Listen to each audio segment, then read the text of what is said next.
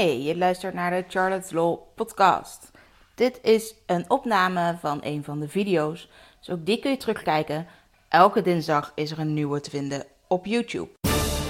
Charlotte, de social media jurist van Nederland. Hallo, goed dat je weer kijkt. Ik wil het vandaag met jullie even hebben over webwinkelrecht. Wat betekent dat nou eigenlijk? Webwinkelrecht is logischerwijs het recht voor webwinkels. Maar dat is niet een rechtsgebied. We kennen het eigenlijk niet uit de juridische wereld. Het is een beetje een verzamelnaam geworden voor verschillende rechtsgebieden die van toepassing zijn op, webwinkels. En dan hebben we het eigenlijk vooral over webwinkels die aan consumenten verkopen. Je kunt natuurlijk ook een webwinkel hebben die bijvoorbeeld eigenlijk alleen maar aan ondernemers verkoopt. En zo heb ik met de Charles Law Store eigenlijk een B2B webwinkel waarin ik juridische documenten en boeken verkoop aan andere ondernemers. Nou, dat werkt grotendeels wel hetzelfde, maar je bent in elk geval niet gebonden aan het consumentenrecht. Heb je nou een webwinkel en verkoop je voornamelijk aan consumenten, hè, dus aan particulieren, uh, dan ben je wel gebonden aan het consumentenrecht. Dat is het grootste onderdeel van het webwinkelrecht. Nou, daarnaast krijg je nog, heb je nog te maken met privacy. Want je krijgt natuurlijk gegevens van je klanten. Je moet immers weten waar alle producten naartoe opgestuurd worden.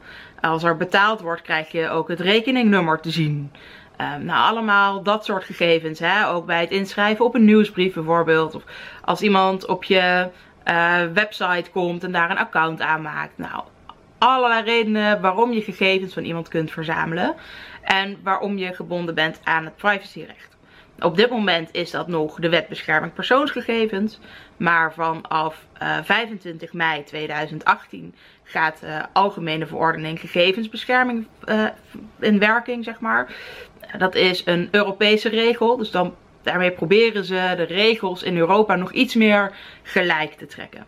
Als het goed is gaat de Nederlandse wet daar ook nog op aangepast worden. Maar hoe dat precies gaat zijn, eh, dat weten we nog niet. Dus daar moeten we nog eventjes op wachten. Wat we wel weten is dat in elk geval je privacyverklaring bijvoorbeeld veel meer uitgebreid moet worden. Nou, wat er nog meer onder webwinkelrecht valt, is bijvoorbeeld ook gewoon het auteursrecht als je zelf je teksten schrijft voor je producten, omdat je beter gevonden wil worden in Google, of omdat je gewoon origineler wil zijn, of omdat het een betere tekst is om het product echt te kunnen verkopen, dan kun je daar best wel eens auteursrecht op hebben. En dan wil je natuurlijk niet dat iemand anders diezelfde tekst gebruikt. Al is het maar vanwege de duplicate content in Google, maar ook omdat dan misschien die ander wel nou ja, beter gevonden wordt of net zoveel kan verkopen als jij, terwijl anders iedereen naar jou toe zou zijn gegaan.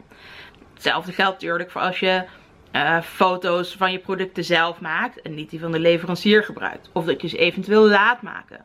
Dan moet je ook weer afspraken maken met de persoon die die productfoto's voor jou maakt. Wie heeft daar auteursrecht op? En als het hele clean foto's zijn, dus echt ja, wat we packshots noemen, zonder schaduwtje, mooi vrijgesteld, recht van voren. Ja, dan rust er zelfs niet eens auteursrecht op zo'n foto. Als je een tekstschrijver inhuurt, geldt daar natuurlijk hetzelfde voor als die hele originele content maakt. En dan hebben we het dus niet over de feiten, niet over uh, goh, het is uh, een product en het heeft deze afmeting, dit materiaal. Um, nou ja, hè, noem nog maar wat kenmerken. Op die kenmerken rust natuurlijk geen auteursrecht.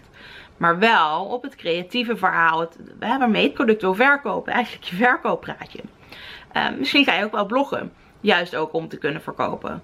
Nou, op die blogs rust natuurlijk ook auteursrecht. Dan moet je ook nog uitkijken dat je niet zomaar um, afbeeldingen of teksten van anderen gebruikt. Je mag je laten inspireren, maar echt overnemen, dat gaat te ver. Um, nou, zo zijn er nog wat meer rechten die onder de noemer webwinkelrecht vallen. Dus het is echt een heel erg groot en breed begrip. Um, dus wat belangrijk is om je daar goed over te informeren. De ACM, de Autoriteit Consument en Markt, die is namelijk sinds het najaar van 2016 gaan handhaven. Als ze merken dat webwinkels zich niet goed of niet goed genoeg aan de regels houden, dan kunnen ze daar een boete voor krijgen. En er zijn echt wel boetes van bijvoorbeeld 150.000 euro opgelegd.